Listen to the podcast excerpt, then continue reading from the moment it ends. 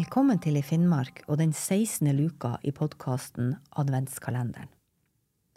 Hver morgen fremover mot jul åpner vi ei ny luka i en kalender full av sagn og mystikk fra Nord-Norge. Historiene er samla inn og skrevet ned av Roald Larsen. Fortellingene er henta fra hans siste bok Isgåten og andre oppsiktsvekkende fortellinger, og jeg, Helle Østvik, leser direkte fra boka.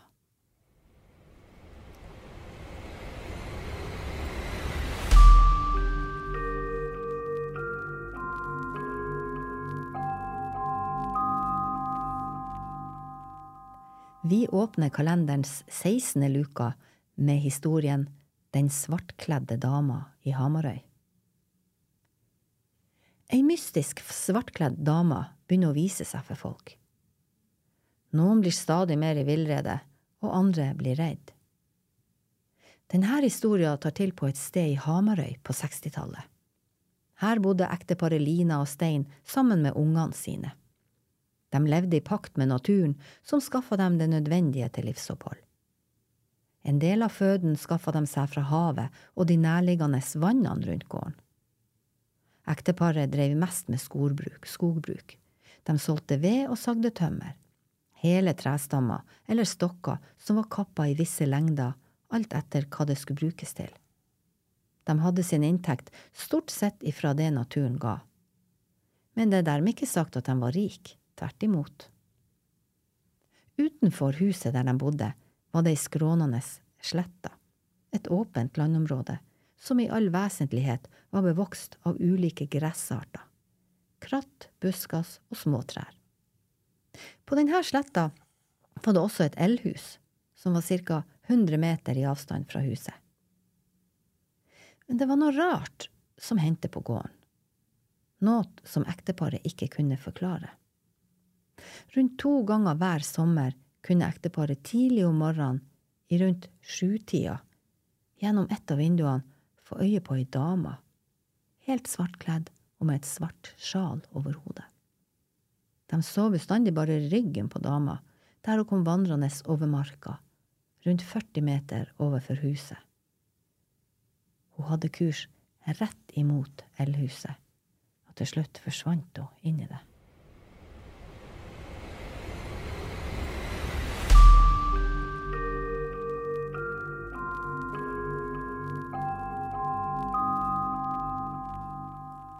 De så henne hvert eneste år på 60-tallet og i begynnelsen av 70-tallet. Likevel så ble det aldri noe folkesnakk omkring denne observasjonen. Det skyldtes at ekteparet var veldig forsiktig med å fortelle om det. De hadde heller ikke noen oppfatning om hvem denne dama som viste seg, kunne være. De bare aksepterte at sånn var det. Det var i mange år bestandig en hund på gården. Når én hund døde, skaffa ekteparet seg en ny. Hundene, som var ulike raser, levde i snitt en god del kortere enn hva som var tilfellet for de her rasene. Og det som var virkelig urovekkende, var at når en ny hund kom til gården, begynte den etter kort tid å virke stressa og rastløs. Dette gjentok seg over år for alle de nye hundene som ankom. De fikk etter hvert vansker med å slappe av og slå seg til ro, og tok til å få vedvarende skjelvinger i kroppen. Ekteparet merka at de fredsomme hundene som var kommet til gården, etter ei stund begynte å endre oppførsel til det verre. De tok til å knurre og flekke tenner mot eierne, og prøvde å jage rundt etter noe som ikke fantes. Begge ektefellene var oppvokst i familier som hadde hunder, så de var vant med sånne pelskledde kjæledyr fra de var små. De hadde tilbrakt mye tid sammen med hunder og visste at de hadde hver sine unike personligheter, akkurat som oss mennesker. Men de her uforklarlige atferdsproblemene som de her hundene tok til å få etter en tid på gården, hadde de aldri opplevd før. Etter hvert ble hundene så gale og farlige at Stein måtte avlive dem etter tur. Til slutt orka ikke ekteparet mer, og slutta helt å ha hunder på gården. Når noen spurte Stein i ettertid om hvorfor de ikke lenger hadde hund på gården, så sa han bare nei, det gikk ikke så bra. Det var også ei hytte på eiendommen der huset sto, og den befant seg midt mellom huset og elhuset. Den hytta fikk fire ungdommer leie ei helg i begynnelsen av september i 75. De kom kjørende med bil, tok ut bagasjen og låste seg inn i hytta. De starta med å lage seg mat, og ei stund seinere satt alle sammen i sofaen og spiste av maten som de hadde dekka til på sofabordet. Etter ei stund gikk ei av jentene ut på kjøkkenet for å hente et eller annet. På veien dit oppdaga hun ei svartkledd dame som sto med ryggen til på kjøkkenet.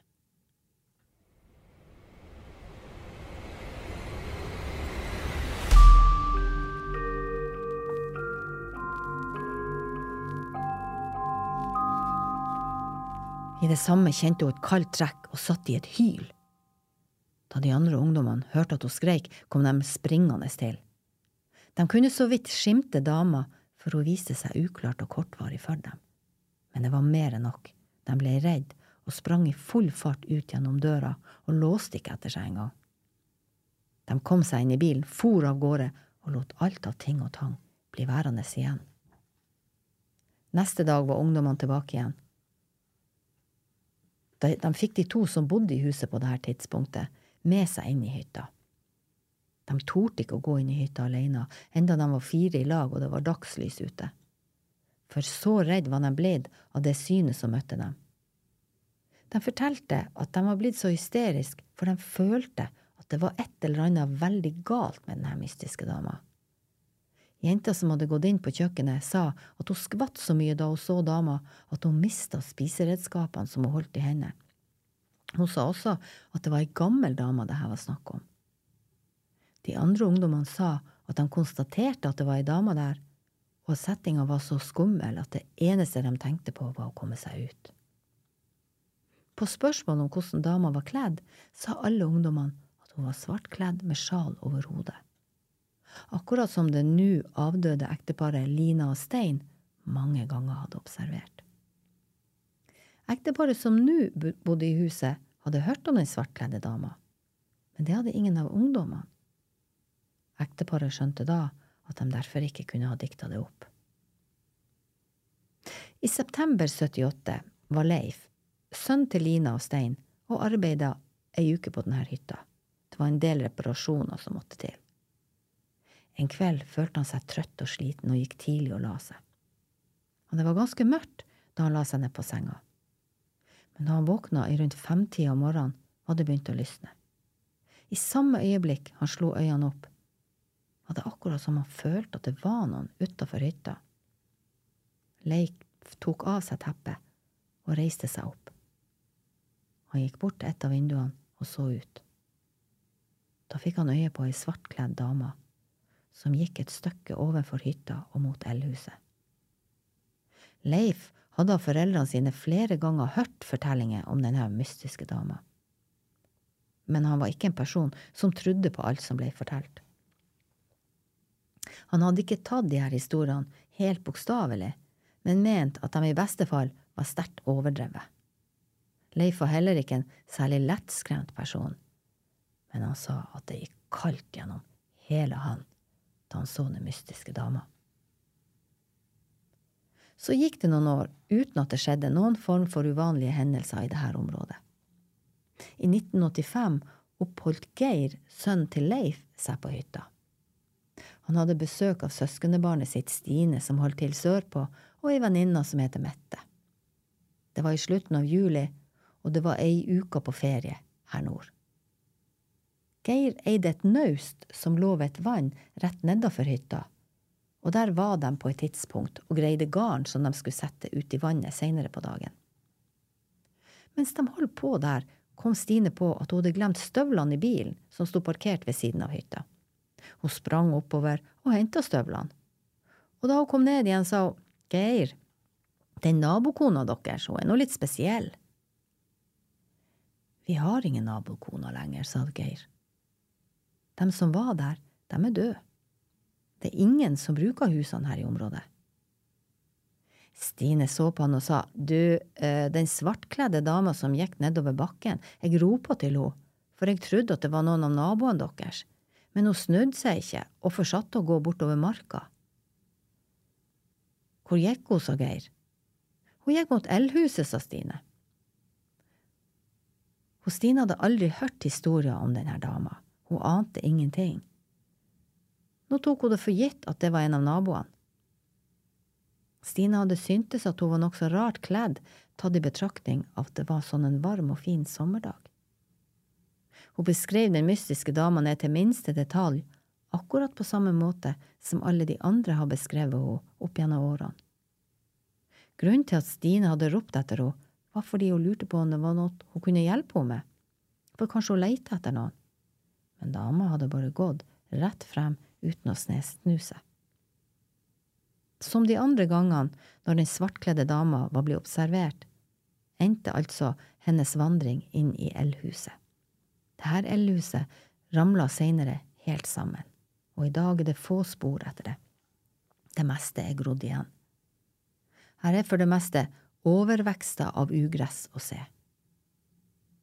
Dette var siste gangen at noen så den svartkledde dama, og dem som holdt til i området, har verken lenger mottatt flere beretninger om henne, eller hun har sett henne, og det kan virke som om hun forsvant da eldhuset gikk til grunne.